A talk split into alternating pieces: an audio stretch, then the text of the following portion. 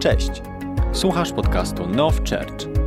Cieszymy się, że tutaj jesteś i wierzymy, że to słowo przyniesie nowe zwycięstwa do Twojego życia. Halleluja! Kościele, jak się mamy? Podekscytowani? Ja bardzo. Szczere pytanie i wierzę na szczerą odpowiedź. Amen? Bo chrześcijanie to są szczerzy ludzie. Czy wierzymy w to, że każde słowo zwiastowane z tego miejsca jest na konkretny czas do naszego życia? Amen? Tak? Amen? Naprawdę? Amen. Ale co to oznacza tak naprawdę, że każde słowo zwiastowane z tego miejsca, każde słowo wypowiadane przez Boga do nas jest na właściwy czas? Oznacza to, że ma coś wykonać w naszym życiu na dany moment, ma dać nam siłę do sytuacji, przez które przechodzimy. I wiecie, kiedy ja obserwuję nauczania, które wychodzą z tego miejsca, te wszystkie słowa, które były w przeciągu tych dwóch lat, w czerwcu będzie już dwa lata, były wypowiadane, wiecie, ja widzę niesamowitą strukturę, która jest zbudowana cegła po cegle. I tak naprawdę często zawracamy, zahaczamy o niektóre tematy, które były wcześniej mówione. I tak naprawdę jeżeli my nie nadrabiamy tego słowa, które jest wypowiadane tutaj, często może spowodować w nas coś takiego, że nie będziemy mogli uchwycić pełni tego słowa, które jest mówione teraz. Więc zachęcam każdego z nas, jeżeli nie było Ciebie na spotkaniu, bo głosiłeś Ewangelię, nie no żartuję, ale jeżeli nie było Ciebie na spotkaniu e, i naprawdę nie mogłeś być, zachęcam Cię, przesłuchaj treść, która jest mówiona z tego miejsca, ponieważ to buduje pewne rzeczy w naszym życiu. To buduje pewne cegły, które są potrzebne dla Kościoła na dany czas. I wiecie, i dzisiaj chciałbym trochę nawiązać do pewnego nauczania, które pastor Jakub dawno, niedawno mówił u nas w kościele. Na temat wizji. Kto pamięta to nauczanie? Było mówione o tym, że gdzie nie ma wizji, tam lud się rozprzęga, tam jest śmierć, zagłada, wszystko co najgorsze jest, gdzie nie ma proroczej wizji. Wiecie, i chciałbym trochę nawiązać do tego tematu, ponieważ bardzo często, kiedy rozmawiam z ludźmi, kiedy spotykam zwłaszcza młodych ludzi, jest jedna rzecz, którą bardzo często zauważam. Nie wiedzą, dokąd zmierza ich życie. Wiecie, ja na razie pomijam Kościół, ja mówię o technicznych rzeczach. Młodzi ludzie, często ludzie, nawet niekoniecznie młodzi, nie wiedzą, dokąd zmierza ich życie. Wiecie, dla mnie niesamowitym przykładem jest jeden z moich znajomych, ja totalnie nie rozumiałem tego, ale kiedy poznaliśmy się, on miał 12, 13 lat. On rozpoczynał swoją przygodę w gimnazjum, tak jak ja. E, I wiecie, kiedy rozmawiałem z nim, on powiedział tak, ja w życiu chcę być architektem. Wiecie, no powiedziałem fajnie, ja y, co, co miesiąc zmieniałem zdanie, kim ja chciałem być, e, także powiedziałem, no fajnie, no chcę być architektem, pogadamy za miesiąc, zobaczymy jak to będzie, ale jedna rzecz, która cechowała mojego znajomego, było to, że on naprawdę chciał być architektem. I wiecie, kiedy z nim rozmawiałem, ciekawe było to, że on powiedział, że to nie było tak, że nagle jakieś pragnienie w nim się zrodziło. On po prostu rozmawiał z pewną osobą. Ta osoba powiedziała, że jest architektem. On zada zaczął zadawać jej parę pytań i doszedł do wniosku, architekci dobrze zarabiają.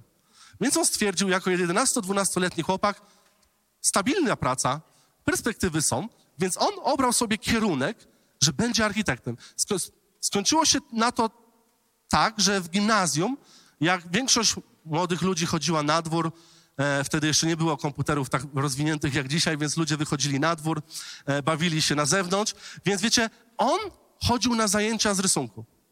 I jego rysunek polega na tym, że uczył się rok rysować odręcznie prostą kreskę, co dla mnie było absurdem totalnym, bo ja mówiłem, człowieku, przecież to wystarczy narysować, ale kiedy spróbowałem, zrozumiałem, że to nie jest taka prosta sztuka odręcznie narysować kreskę, ale chodziło o to, że on odkąd ustanowił sobie ten cel, wszystko podporządkował pod to, by zostać architektem.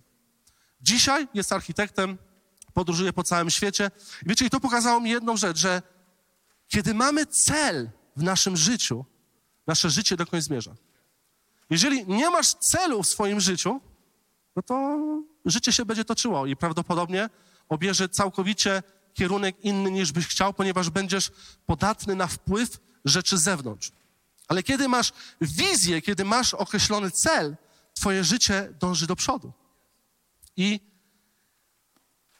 Bóg powołał mnie i ciebie w konkretnym celu. Wierzymy w to?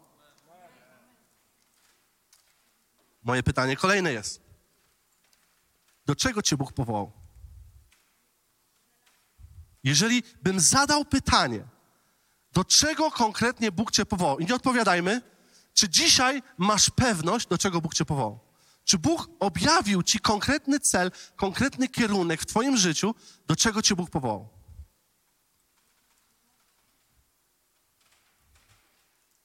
Rozmawiając z ludźmi, bazując na moim życiu, bardzo często właśnie zauważam, że brakuje nam świadomości celu. I często jest tak, że miejsce, w którym jesteśmy, bierzemy jako przypadkową w naszym życiu i tak naprawdę nie czerpiemy korzyści z tego, co Bóg zaplanował dla nas. Wiecie, w zeszłym tygodniu, w sumie w tym tygodniu, e, zobaczyłem pewną scenkę, która bardzo mnie zainspirowała i wiecie, i chciałbym pokazać wam pewien obraz e, i to nie jest mój obraz, powtarzam, zobaczyłem, zachęciło mnie bardzo troszeczkę zmodyfikowałem, ale chciałbym, żeby to, wiecie, pokazało nam pewną rzecz. Chciałbym zaprosić moich trzech wspaniałych wolontariuszy, żeby ustawili się w odpowiednich miejscach. Wiecie, wybrałem najlepszych. Jest taki jeden żart o jednej osobie, która zaraz wyjdzie, nie powiem wam o której, że jest to największy wstawiennik w kościele, ponieważ całe życie modli się na kolanach przed Panem. Także zobaczymy, czy zgadniecie, kto to.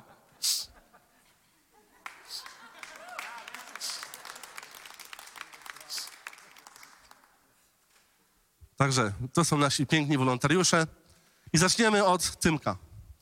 Tymku, chciałbym, żebyś teraz pokazał dwie kartki, ale jedną zasłoniętą, odkrytą. Co to jest napisane? Bóg. Czyli Tymek jest obrazem Boga. Jak wiemy, Bóg był na początku, alfa i omega, od samego początku, nie ma końca początku, istniał, samoistnie cały czas. W pewnym momencie Bóg powiedział, niech stanie się światłość i stworzył świat. I teraz Mateusz reprezentuje stworzenie świata. I teraz będziemy szli dalej w kontekście osi czasu. Na samym początku, wiadomo, że początku Bóg nie ma, jest Bóg. Później było stworzenie świata i później jest pewna linia czasowa i dochodzimy do momentu, gdzie Michał pokazuje nam teraźniejszość. Rozumiemy? Ja się modlę o to, żebyśmy naprawdę to zrozumieli. Bo wiecie, bo kiedy my uchwycimy to, co teraz będzie przedstawiane, ja wierzę, że to zmieni nasze patrzenie na nasze chrześcijańskie życie, na nasze podejście do wszystkiego, co się dzieje w naszym życiu. Ponieważ Biblia, i teraz przeczytam trochę wersetów szybko. Jeremiasza 1:5. Zanim ukształtowałem cię w łonie, znałem cię. Zanim wyszedłeś z łona, uświęciłem cię i ustanowiłem prorokiem dla narodów. Psalm 139, 15, 16 werset. Żadna moja kość nie była zakryta przed Tobą. Gdy zostałem stworzony w skrytości i misternie złożony w głębiach ziemi, Twoje oczy widziały niedoskonały płód mego ciała, a twoje, w Twojej księdze są zapisane wszystkie moje członki i dni, w których byłem kształtowany, gdy jeszcze żadnego z nich nie było. Efezjan 1, 4, 5. Jak nas wybrał w nim przed założeniem świata – abyśmy byli święci i nienaganni przed Jego obliczem w miłości. Przeznaczył nas dla siebie ku usynowieniu przez Jezusa Chrystusa według upodobania swojej woli. Czyli Tymek ma jeszcze jedną kartkę. Odsłoń, Tymku, jak możesz tą kolejną kartkę. Tam jest napisane co? Ja w kontekście każdy z nas. Jeżeli ja mówię ja, to mam na myśli Dawida.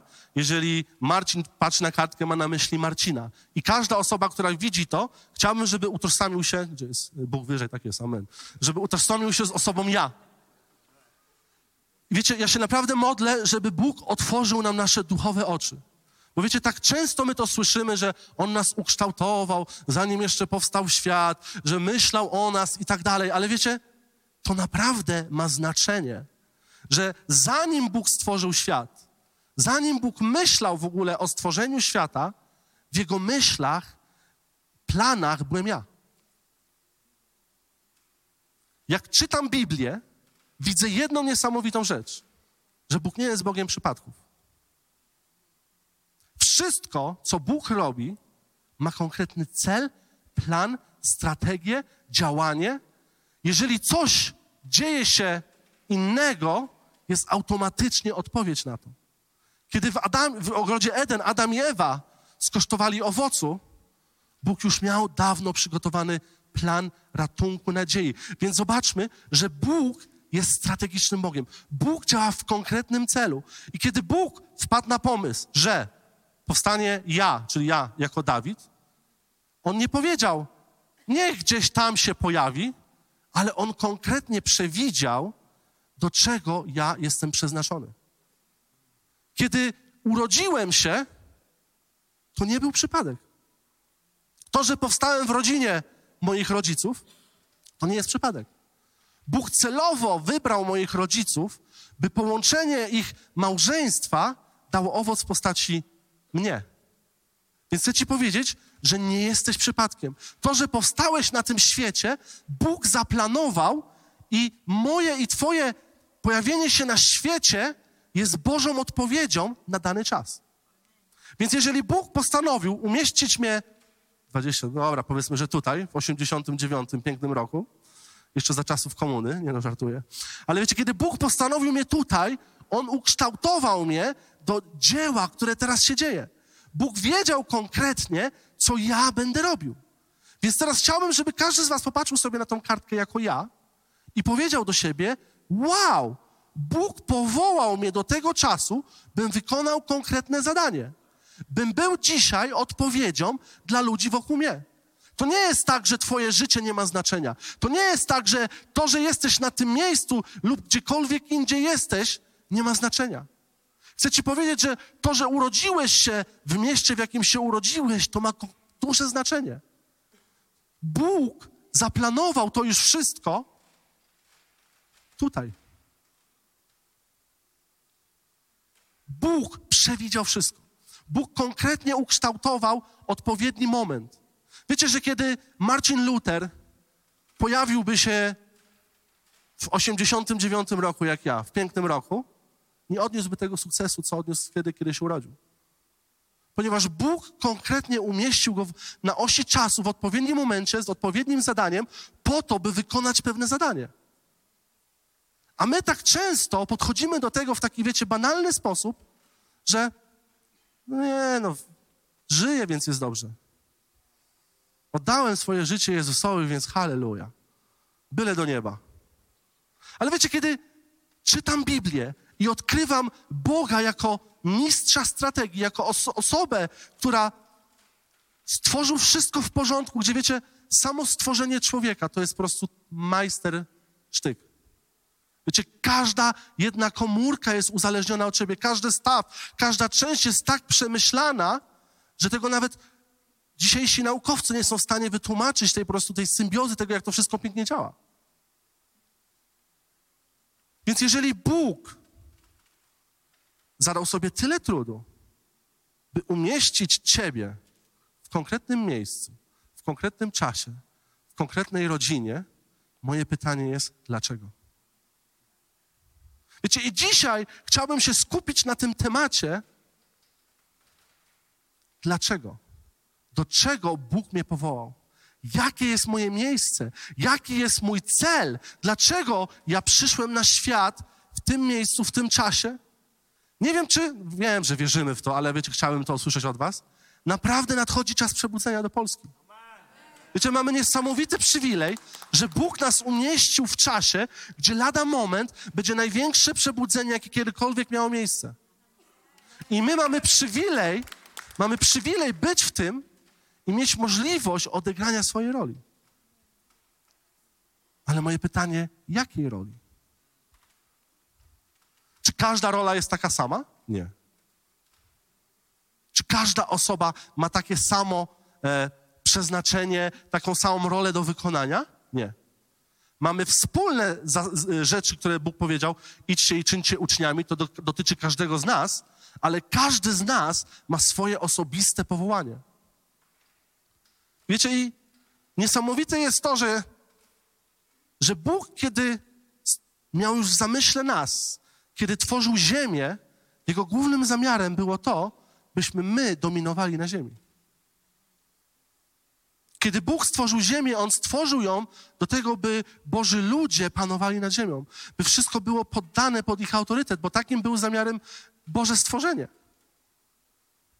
Jeżeli my naprawdę uchwycimy to, to kiedy sytuacje się będą działy w naszym życiu, ty już nie będziesz patrzał z perspektywy tego, jestem tutaj, ale uświadomisz sobie, że twój byt duchowy jest o wiele starszy niż ziemia. Ponieważ co mówi Biblia? Zostałeś, zanim powstał świat, ty już byłeś w myślach. Bóg cię już stworzył, on już cię uformował. To, że ja jestem tutaj, to jest moja fizyczna forma, ale mój duch był przed stworzeniem świata, więc wszystko, do czego Bóg przewidział, że będę tutaj, już wyposażył mnie. Wiecie, kiedy czytamy w Jeremiasza o tym, jest napisane tak. Zanim ukształtowałem Cię w łonie, zanim znałem Cię, zanim wyszedłeś z łona, uświęciłem Cię i ustanowiłem prorokiem dla narodów. Kiedy on wyszedł z łona, Jeremiasz, on już konkretnie wiedział, znaczy wiadomo, że nie wiedział, ale Bóg konkretnie go postanowił w drodze, która nazywa się życiem z Bogiem, do tego, by dotrzeć do celu, by być prorokiem dla narodów. I każdy z nas, kiedy został stworzony fizycznie, my już wyszliśmy z pewnym przeznaczeniem w nas, które Bóg umieścił w nas pewien posiew swojego DNA do tego, byśmy wykonali to zadanie, do którego Bóg nas powołał. Więc dlaczego dzisiaj jest tak wielu ludzi, którzy nie wiedzą, dokąd zmierzają? Więc dlaczego jest tak wielu ludzi, teraz będę mówił konkretnie do ludzi wierzących, do ludzi w kościele, którzy tak naprawdę nie wiedzą, czego chcą w swoim życiu? Dlaczego jest tak wielu ludzi, którzy kręcą się w kółko nie mogą osiągnąć żadnych owoców w swoim życiu?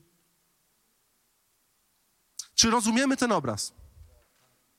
Ale tak, czy rozumiemy, rozumiemy, czy jeszcze raz? Możemy przejść jeszcze raz, nie ma problemu.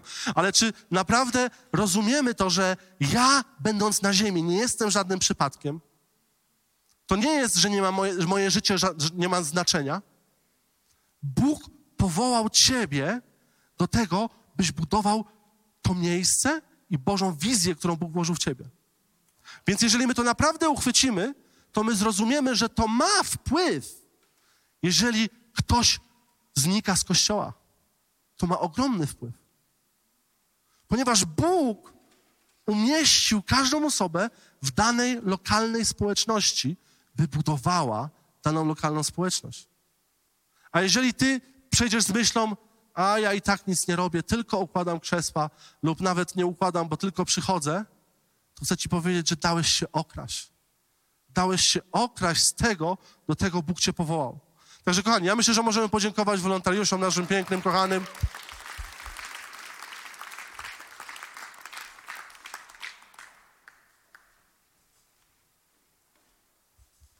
Dlaczego to jest tak ważne, byśmy znali kierunek i Bożą wizję do naszego życia?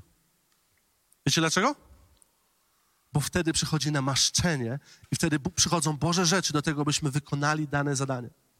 Wiecie, kiedy nawróciłem się w swoim życiu drugi raz, e, ciekawą rzeczą było to, że kiedy odeszłem e, ze, od Boga, moim celem w życiu była destrukcja i jak najszybciej pożegnać się z tym światem. Wszystko, co robiłem, dążyło do samodestrukcji, e, do zniszczenia, e, wszystkie szalone, dziwne rzeczy, próbowałem tego robić, e, żeby, wiecie, nadać pewne emocje, po prostu, żeby zagłuszyć pewną pustkę w moim sercu. I kiedy nawróciłem się, stałem się jeszcze większym wariatem dla Pana.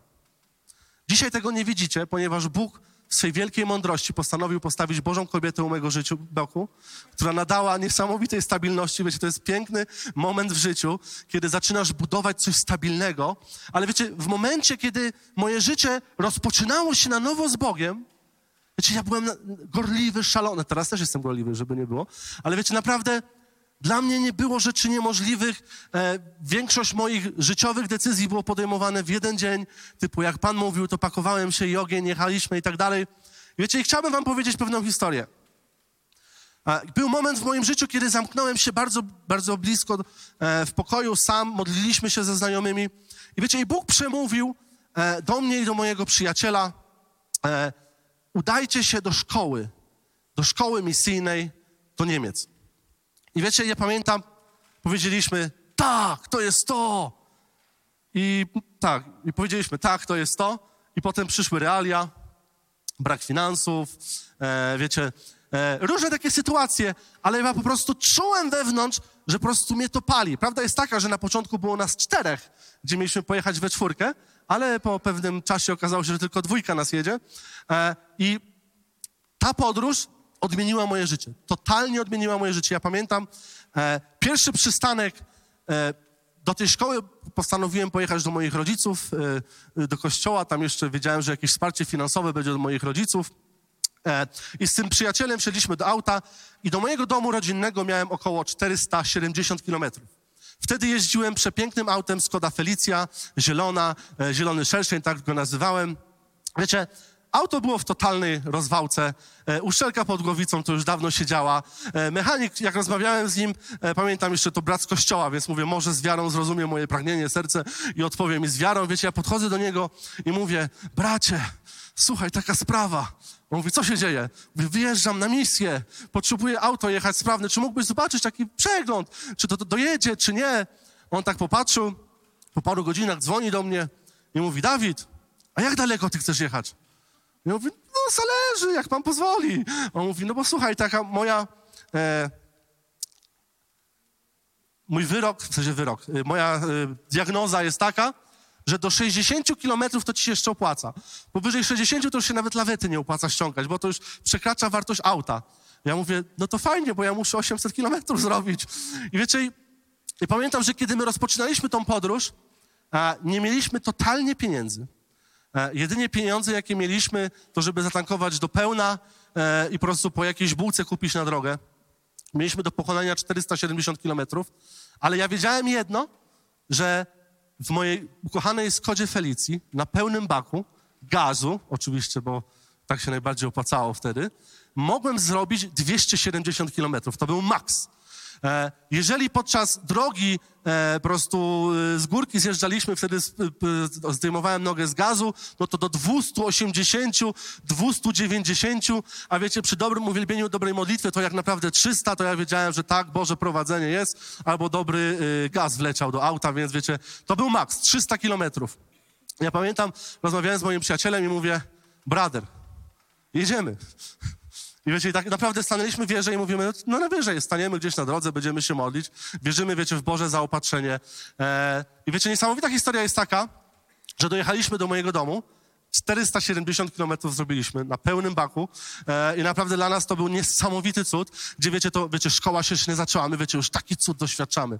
Kolejnym cudem tej podróży było to, że kiedy zajechałem do moich rodziców, do Świebodzic. E, oczywiście dostaliśmy zaopatrzenie finansowe na dalszą podróż, więc już sprawa paliwa nie była problemem, ale pojawił się kolejny problem w naszym życiu, mianowicie taki, że to było 6, 8, 9 lat temu, wtedy nie było internetu za granicą. To naprawdę było bardzo drogie. E, ja no nigdy do Niemiec nie jechałem wtedy, więc pamiętam, stanąłem tak z przyjacielem, na Google'ach sprawdziliśmy mapy. Ja mówię tak, do Zgorzelca dojadę mniej więcej wiem, tam taki punkt jest McDonald's w Gorzelcu i mówię, tam się zatrzymamy i będziemy się modlić co dalej, bo kompletnie nie wiem, jak dalej jechać. Miejsce, do której jechaliśmy, to jest, wiecie, wioseczka, która ma może półtorej tysiąca e, ludzi. To nie jest wielce oznakowana miejscowość.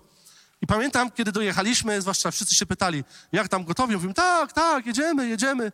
wiecie, kiedy jechaliśmy do tego McDonalda, kiedy po prostu próbowaliśmy na jakichś Google'ach wyczaić drogę, przyznam się szczerze, że no, dziękuję Bogu za GPS-a w tych czasach, który ci mówi, gdzie jechać. E, I wiecie, i tak naprawdę siedzieliśmy w tym McDonaldzie, tak modlimy się. Ja mówię, brader, co robimy? On mówi, modlimy się. Wiecie, ja naprawdę byłem szczery, liczyłem, że zaraz jakiś anioł się pojawi, powie, hej, słuchajcie, na stopa, jadę tam do tej miejscowości, mogę z wami, o, tu jedźcie w prawo, w lewo. Naprawdę oczekiwałem takich rzeczy, ale wiecie, kiedy modliliśmy się, przyszło do nas słowo. Mówi, jedźcie tam, gdzie będzie zielone. Ja mówię, no dobra, jest kierunek. I wiecie, i wsiedliśmy do auta, z tamtego, y, z tego z McDonalda do tej miejscowości było około 40-50 kilometrów. W Niemczech, gdzie nigdy nie byłem, y, to, no naprawdę modliliśmy się całą drogę, całe 40 minut, 40 y, kilometrów modliliśmy się na językach, na wszystkim, czym nam przychodziło do myśli. I wiecie, nasza podróż polegała na tym, że kiedy wyruszyliśmy, dojeżdżaliśmy do skrzyżowania, zawsze gdzieś było zielone światło, albo w prawo, albo w lewo, albo w prosto. Skończyło się tak, że dojechaliśmy do Henku, do miejsca przeznaczenia bez ani jednego błędu. Wiecie, kiedy zobaczyłem znak Henchut 8 kilometrów, zaczęliśmy płakać. Ja mówię, Boże, jesteś niesamowity. I wiecie, ja wierzę w to, że kiedy Bóg powołuje cię do czegoś, kiedy Bóg wyznacza kierunek dla twojego życia, On da tobie namaszczenie w postaci cudów, znaków do tego, byś doszedł tam. Wiecie, czy to oznacza, że ja dzisiaj tak samo jeżdżę? Że jadę i mówię, gdzieś zielone światło, tam pojadę? Nie, próbowałem dwa razy, ale nie wyszło. Powiem wam, to był jeden moment, który wiedziałem, że Bóg powołał mnie do tego, bym, bym uderzył do tej szkoły i Bóg przysposobił mnie do tego, bym się tam dostał. By nie zabrakło mi niczego, by wykonać pewną pracę, by wykonać pewne dzieło, do tego, że Bóg powołał mnie do pewnej rzeczy. Tak samo było z Warszawą. Kiedy Bóg powiedział do mnie i do mojej żony, jedźcie do Warszawy, zaczęły się otwierać drzwi. Nagle pojawiło się mieszkanie, które w życiu byśmy nie byli w stanie e, po ludzku posiąść za, wiecie, śmieszne pieniądze. Mogliśmy wynająć dom 330 metrów, który był błogosławieństwem dla wielu ludzi. Wiecie, było wiele świadectw ludzi, którzy, kiedy Bóg powiedział im, jedź do Warszawy, zaczęły się dziać rzeczy. Dlaczego? Bo tak Bóg działa. Kiedy Bóg wytycza tobie kierunek, kiedy Bóg daje tobie kierunek, wskazówkę, On cię wyposaży, On cię zaopatrzy, On da tobie namaszczenie, On da tobie wszystko, co jest ci potrzebne. Więc jeżeli popatrzymy na to z drugiej strony, więc jeżeli ktoś nie ma wizji, nie ma celu w swoim życiu, to co się dzieje? On drytw, drytwuje. Drytwuje, nie ma tego słowa. On dryfuje, tak jest. On dryfuje. Gdzie go poniesie wiatr? Gdzie przyjdzie jakaś nowa rzecz? Co chwilę jest niezadowolony. Co chwilę coś mu nie pasuje. Będzie powodowało to, wiecie, że taka osoba, ja mówię konkretnie o Kościele, o ludziach wierzących, jeżeli taka osoba bez celu, bez wizji, zacznie się rodzić gorycz w jej sercu. Bo im więcej, im dalej będziesz w las szedł, bez celu w swoim życiu, będziesz czuł pustkę. Bo nie wiem, czy czytamy Biblię, a wierzę, że czytamy. Co Jezus zrobił, kiedy powołał apostołów? On dał im konkretne zadanie. On powiedział: chodźcie za mną, a uczynię was rybakami ludzi. On nie powiedział: chodźcie za mną, zobaczymy, co będzie. On nie powiedział: chodźcie za mną, podryfujecie ze mną. Może wam się spodoba, może nie. On powołał ich w konkretnym celu. On powiedział: pójdźcie za mną, a uczynię was rybakami ludzi. On dał konkretne zadanie, on dał konkretną misję swoim ludziom, apostołom, których powołał na początku swoim uczniom. Ja wierzę w to, że kiedy Bóg powołuje kogokolwiek, kiedy ktoś zradza się z nowego ducha, kiedy ktoś oddaje życie Bogu i staje się nowym stworzeniem, on staje się stworzeniem do konkretnego zadania i celu. I moją i Twoją rolą jest odkrycie, co to jest. Ale tak często my w ogóle nie mamy parcia na to, by odkryć. Bo nam tak dobrze jest, że przychodzimy, nic nie robimy, jest fajnie, jak się nie spodoba, pójdziemy gdzie indziej i tak naprawdę nic, co nas nie kosztuje, bierzemy to, co nam się podoba, co nie. Nasze życie tak naprawdę kręci się wokół, sami nie wiemy, czego oczekujemy od życia. Jakby ktoś się tak naprawdę takiej osoby spytał, to jesteś zadowolony, czy nie? On powiedział, no, no chyba tak, no chyba nie, dzisiaj jestem, za tydzień może nie będę, bo coś mi się nie spodoba, wiecie. I taka osoba nie osiągnie nic w życiu. W kontekście duchowym. Ja nie mówię zawodowo, tam może sukcesy mieć, ale to mnie nie interesuje. Jeżeli nie będziesz miał celu i wizji w swoim życiu, nie osiągniesz nic znaczącego. Możesz się modlić o, o to, żeby Bóg używał ciebie do uzdrawiania. Możesz modlić się, żeby towarzyszyły tobie znaki i cuda. A jeżeli ty nie wejdziesz w swoje buty, nic się nie wydarzy. Ja mówię o konkretnych cudach i znakach. Ja nie mówię o tym, że kogoś głowa przestała boleć i tak dalej, bo to wiecie, ja wierzę, że Bóg działa cały czas niezależnie od nas, ale ja mówię o konkretnych cudach i znakach, które powinny towarzyszyć każdemu z nas. Codziennie cuda i znaki powinny towarzyszyć nam. Ale żeby to się zaczęło dziać, my musimy wiedzieć, w jakim kierunku zmierzamy. Musimy wiedzieć, do czego Bóg powołał mnie i ciebie. Ja wierzę, że są takie trzy podstawowe pytania, które powinniśmy sobie zadać i odpowiedzieć sobie. Jeżeli znasz na te trzy pytania odpowiedź i wiesz, że to jest odpowiedź od Boga, halleluja, to znaczy, że jesteś świadomym, wierzącym, który wie, gdzie idzie. Pierwsze, gdzie jest mój Kościół? Do jakiego miejsca, do jakiej społeczności powołał mnie Bóg? To jest kluczowe. Ponieważ miejsce, w którym będziesz, ukształtuje cię, nada tobie pewne DNA. Wiecie, niesamowite jest to, że kiedy obserwuję Noę, moją córeczkę, ja widzę niesamowite połączenie dobrych cech mojej żony i trochę słabszych moich.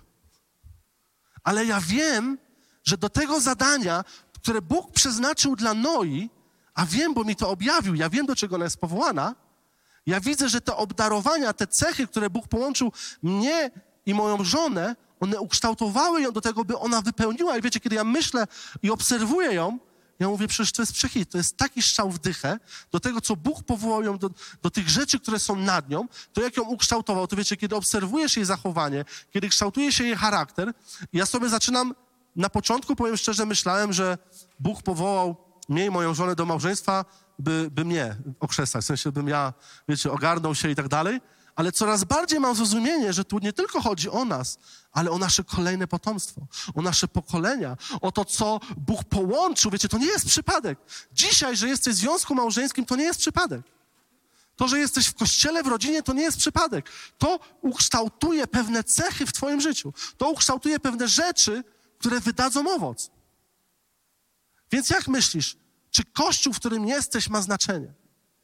Czy to jest tylko, no dzisiaj jestem, może mnie nie będzie, posłucham online, trochę tu, trochę tam i tak naprawdę nic nie budujesz. Jaka jest społeczność, do której Bóg Cię przypisał dzisiaj? A jeżeli Bóg Ci to objawił, co idzie dalej za tym? Jakie jest moje powołanie do tego, by wykonywać? Jakie jest moje powołanie, co powinienem robić? I trzecie pytanie.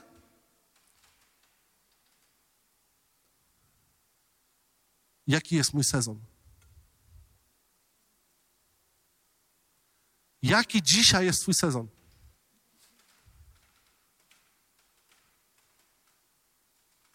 Przykład mojej żony. Lubię dawać przykłady mojej rodziny.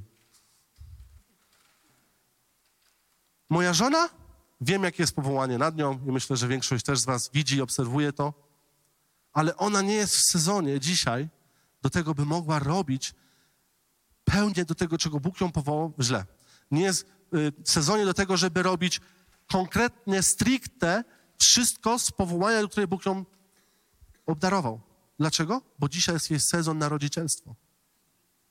Wiecie, my musimy rozeznać, jaki jest sezon dla mnie i dla ciebie. To jest tak kluczowe pytanie, jaki jest sezon w moim życiu. Przykład. Jeżeli wiesz, że twoim powołaniem jest bycie liderem, po prostu Bóg ci to powiedział, e, prorok ci to potwierdził e, i ty jesteś przekonany na to, to nie oznacza, że idziesz do punktu info i mówisz, przepraszam, gdzie jest sekcja liderów, ja chciałbym się zgłosić.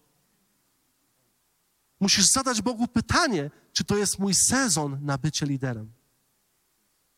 Powołanie, jeżeli jest od Boga, to jest to wielkie powołanie, które wymaga czasu, które wymaga kształcenia, które wymaga przygotowania, które wymaga marynowania, które wy wymaga przede wszystkim zmiany charakteru, które wymaga zmiany naszej cielesności, które wymaga kompromisów, które musimy zabić w naszym życiu, by wejść do powołania.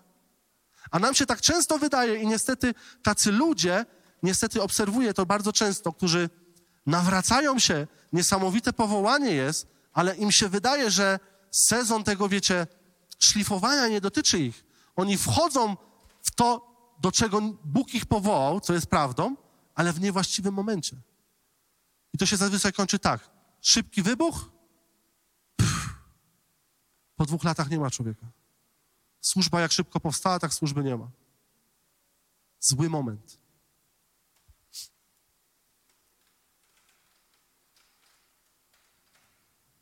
Powiem wam ciekawostkę.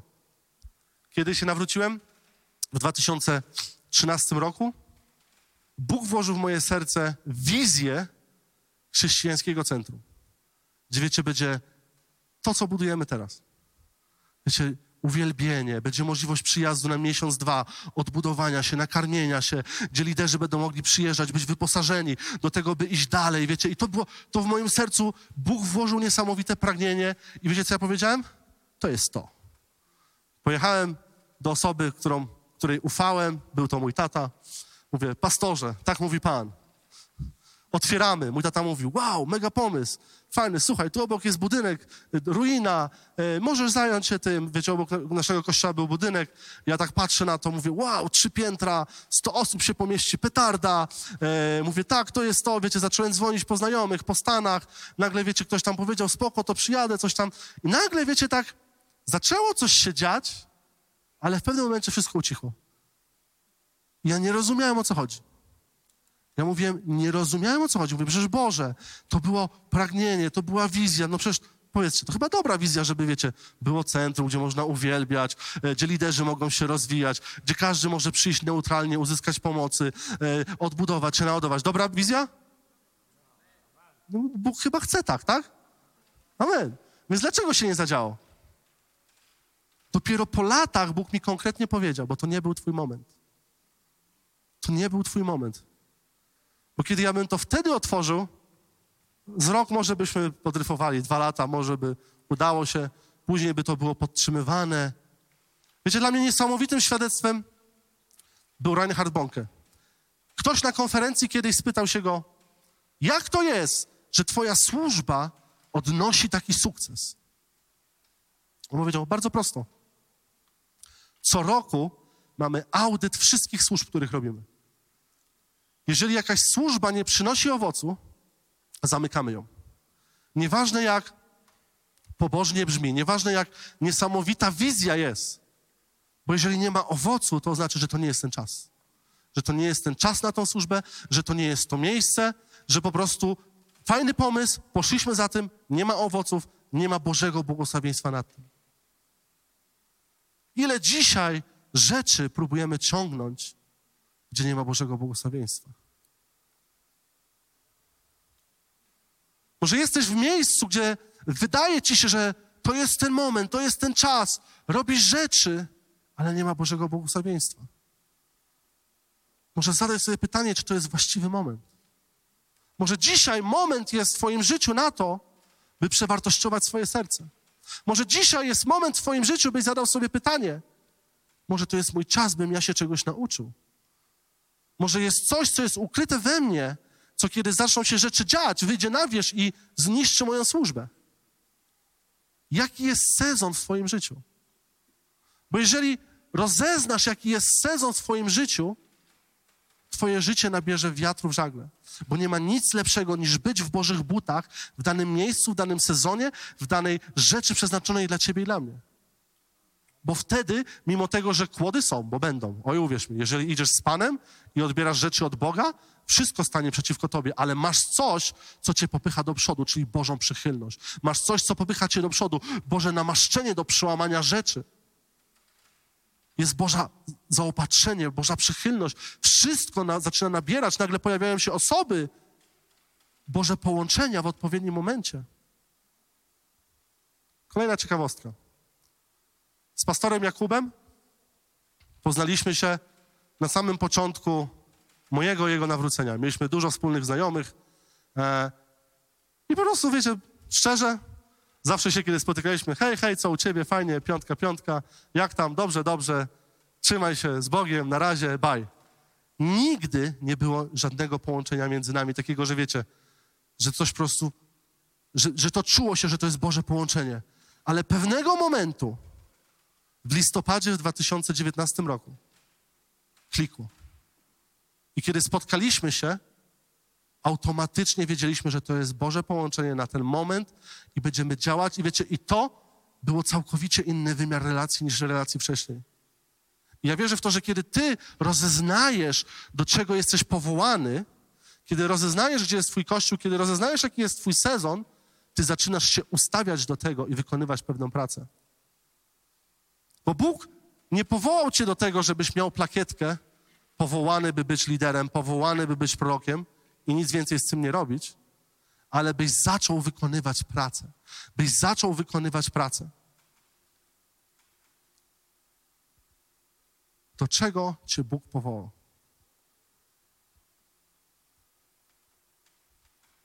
Ja wierzę w to, że każde powołanie ma znaczenie. Nie ma większego, mniejszego powołania. Często jest tak, że my próbujemy sobie, wiecie, wyobrażać te wielkie rzeczy, e, niesamowite rzeczy i tak naprawdę gardzimy małymi początkami.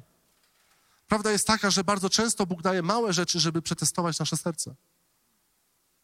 Nie odrzucaj tego, co Bóg ci mówi, przez to, że wydaje się tobie, że to jest nic nieznaczące.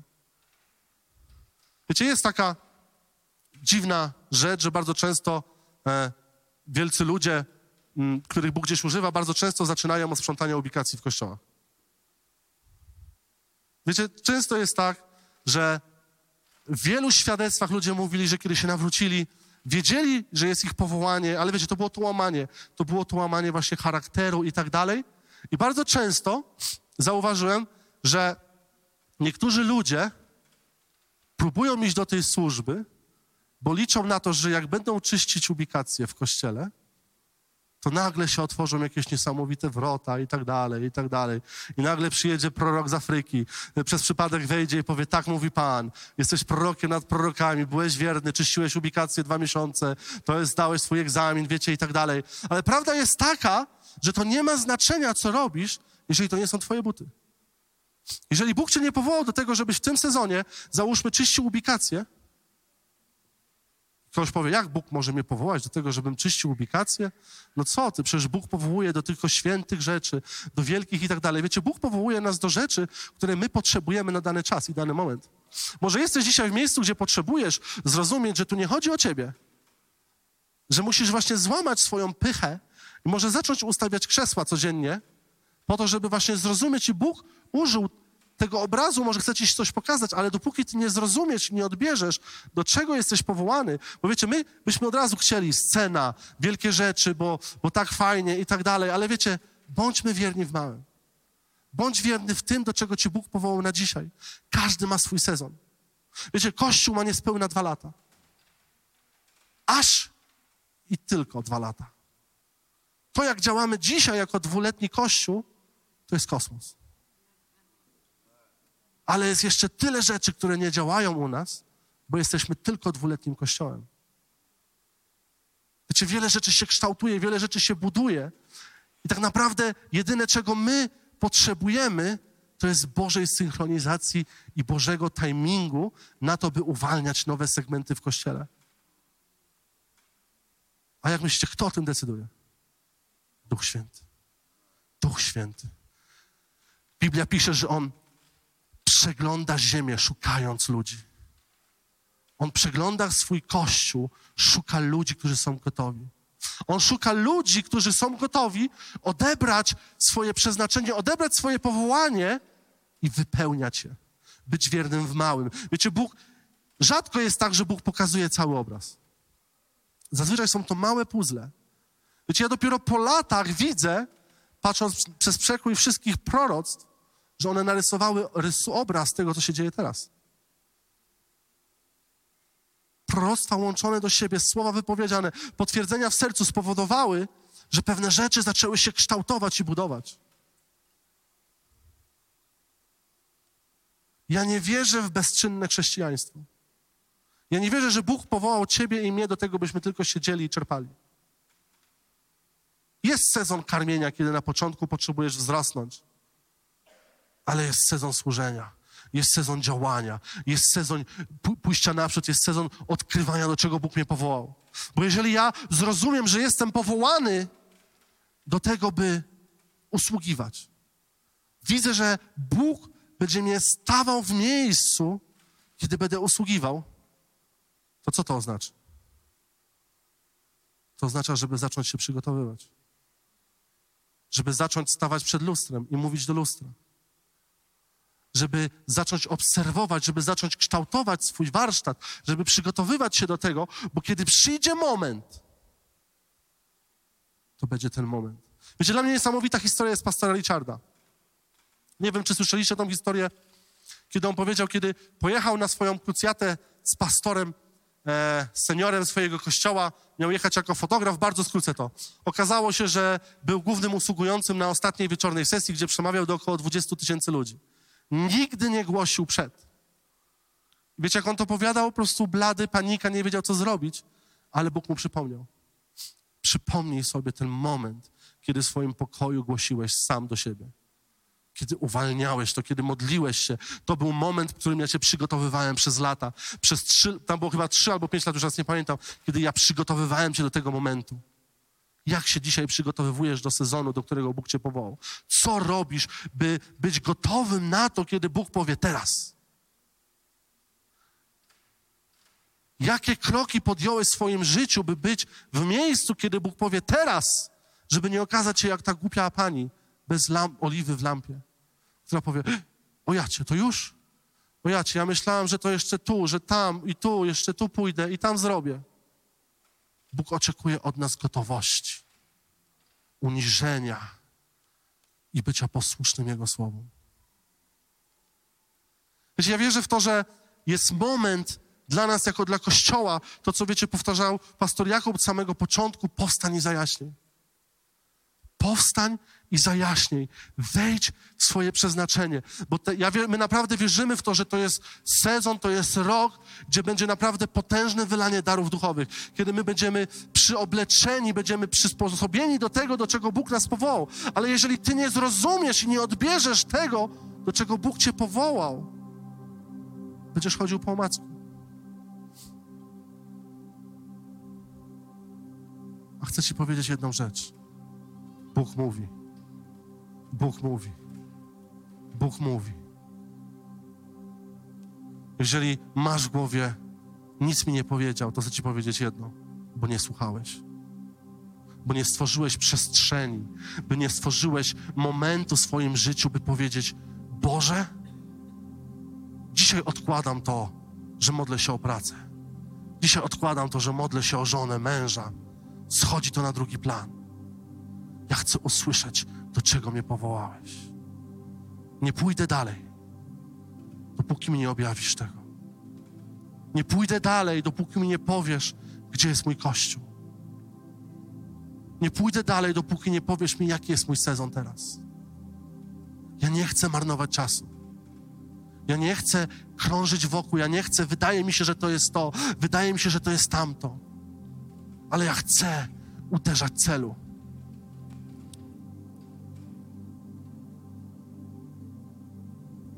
Pierwszy Koryntian 9, 24, 27. Czy nie wiecie, że ci, którzy biegną w wyścigu, wszyscy wprawdzie biegną, lecz tylko jeden zdobywa nagrodę? Tak biegnijcie, abyście ją otrzymali. Każdy, kto staje do zapasów, powściąga się we wszystkim. Oni, aby zdobyć koronę zniszczalną, my zaś niezniszczalną. Ja więc tak biegnę, nie jakby na oślep, tak walczę, nie jakbym uderzał w powietrze, lecz poskamiam swoje ciało i biorę w niewolę, abym przypadkiem głosząc innym sam nie został odrzucony. Wiecie, to, co teraz czytałem, to jest świadome działanie. My musimy spokutować z emocjonalnego chrześcijaństwa, gdzie mówimy, czuję, że, bo za chwilę nie czujesz i już sezon się zamyka. Musimy być świadomi tego, co Bóg do nas mówi. Musimy być świadomi tego, co Bóg mówi do mnie i do Twojego życia.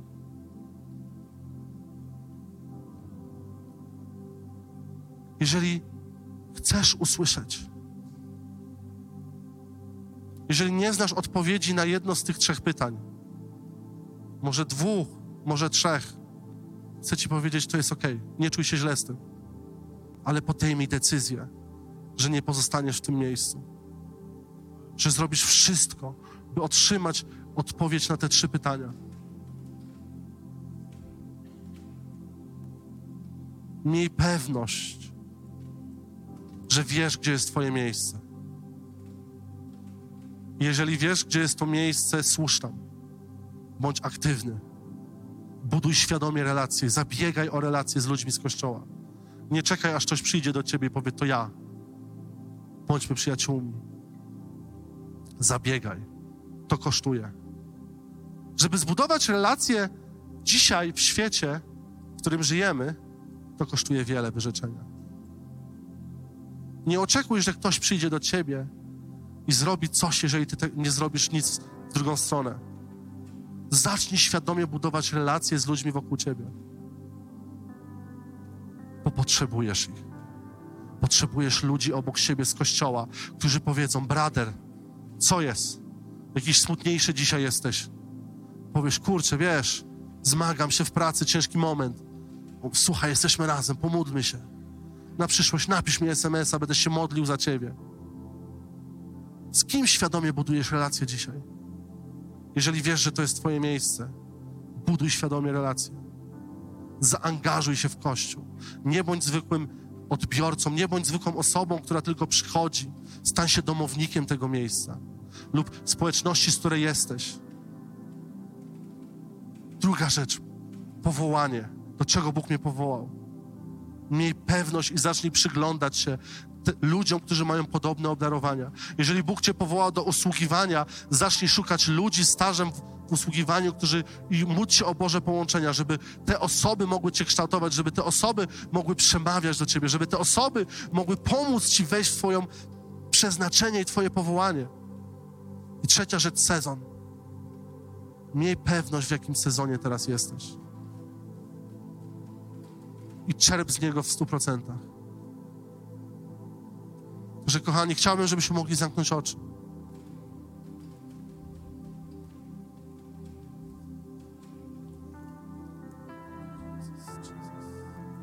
Jeżeli potrzebujesz odpowiedzi na któreś z tych pytań, stań przed Bogiem i powiedz szczerze Mu, Boże, ja potrzebuję.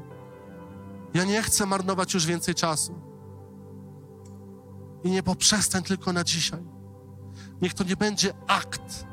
Niech to nie będzie chwila uniesienia, ale niech się to stanie Twoim priorytetem, dopóki nie usłyszysz, do czego Bóg Cię powołał. Bo wtedy zacznie On Cię wyposażać. Wtedy On zacznie stawiać ludzi na Twojej drodze, którzy Cię popchną do Twojego powołania, do Twojego przeznaczenia. Bóg powołał Ciebie i mnie do tego, byśmy odnieśli stuprocentowy sukces.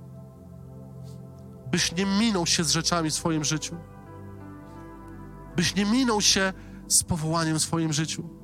Bo wiecie, co jest smutne? Jedna rzecz jest smutna. Jeżeli Bóg powołał cię do pewnej rzeczy i ty nie wejdziesz w to, On powoła kolejną osobę. Mamy niesamowitą okazję wejść w rzeczy, które Bóg zaplanował dla mnie i dla ciebie. Ale musisz chcieć tego. Musisz chcieć doświedzieć się tego i uchwycić się i podążać i nie pozwolić wykraść tego. Nie pozwolić, by diabeł zabrał tobie to. Może jesteś w miejscu, gdzie utraciłeś to już. Miałeś to, wydawało ci się, że jest, ale przez sytuacje, przez zranienia, przez różne okoliczności straciłeś to. Ja chcę Ci powiedzieć jedną rzecz. Bóg przywraca rzeczy do Twojego życia. Bóg przywraca rzeczy do Twojego życia. Biblia wyraźnie mówi, że to szarańcza zjadła. Bóg przywróci w ponadnaturalny sposób. Ja wierzę w to ja doświadczam tego że u Boga nie ma rzeczy straconych, u Boga nie ma rzeczy niemożliwych. Kościele, powstańmy. Duchu Święty, przemawiaj do nas. Odpowiadaj na nasze pragnienia. Boże, my chcemy wiedzieć, do czego nas powołałeś, jakie jest przeznaczenie dla nas, Panie. My chcemy wykonać Twoją Bożą, boską wolę w naszym życiu.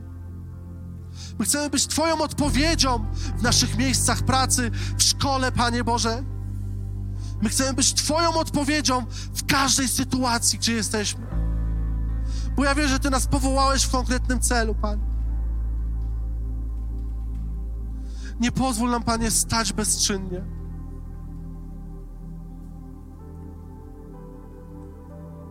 Przemawiaj do nas, Duchu Święty.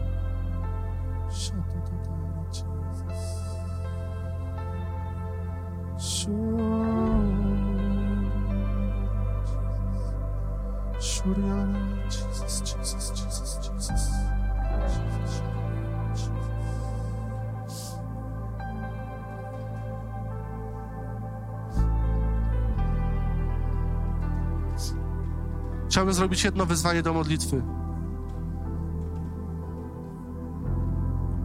Jeżeli czujesz, że utraciłeś swoje powołanie,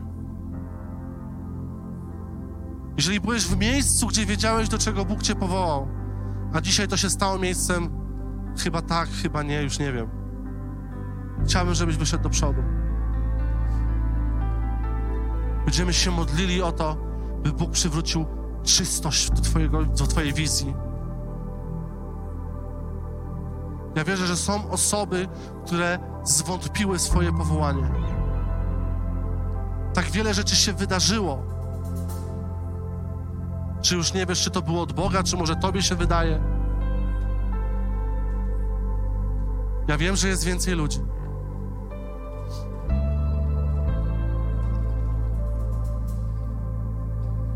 Ja wiem, że jest więcej ludzi, którzy zostało ograbionych z tego celu, który Bóg włożył.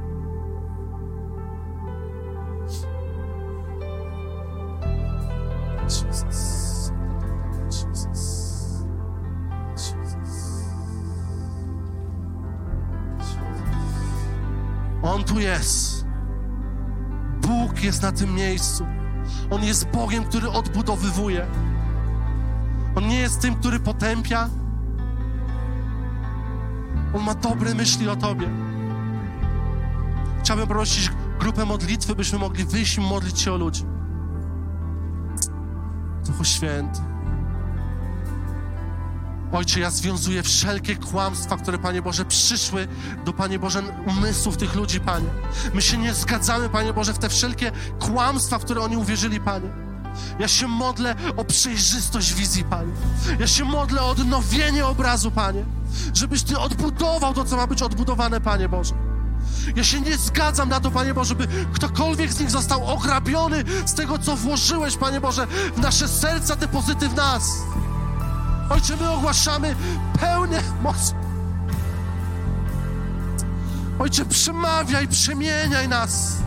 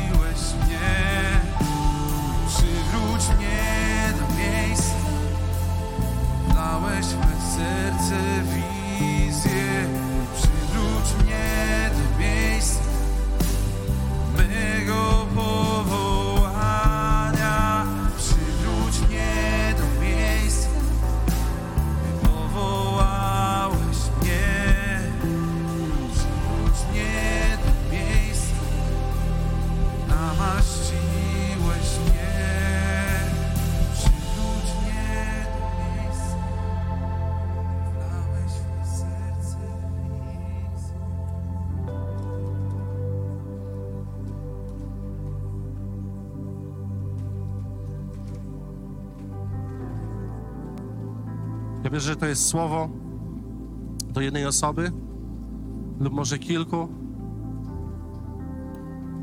Bóg ci konkretnie powiedział, do czego jesteś powołany. Konkretnie wiesz, do jakich rzeczy Bóg cię powołał.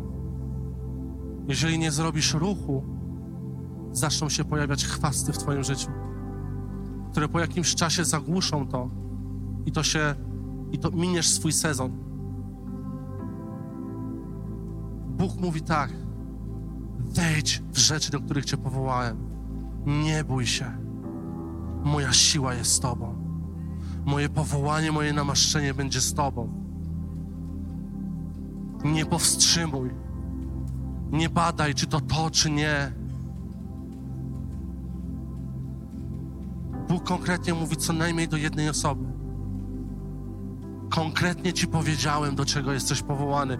Dobrze wiesz, co masz zrobić, ale przeciągasz to w czas. Przeciągasz to w czas. Mówisz jeszcze trochę, jeszcze to, jeszcze tamto się wydarzy, to wtedy to zrobię. Bóg mówi nie. To jest Twój moment. To jest Twój moment. Jeżeli nie wejdziesz w to, powołam ole- kolejną osobę.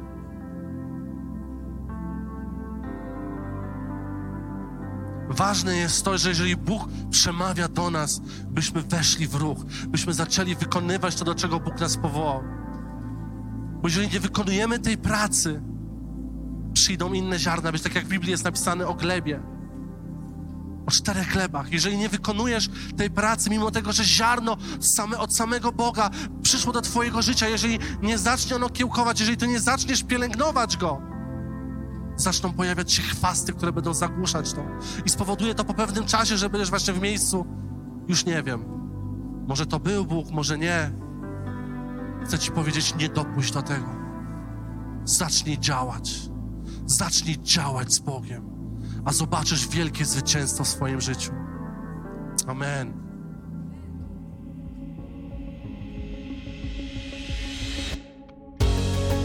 Dziękujemy, że byłeś z nami. Jeśli chcesz dowiedzieć się więcej o naszych działaniach lub nas wesprzeć, zapraszamy Cię na www.nationsonfire.org ukośnik nowchurch.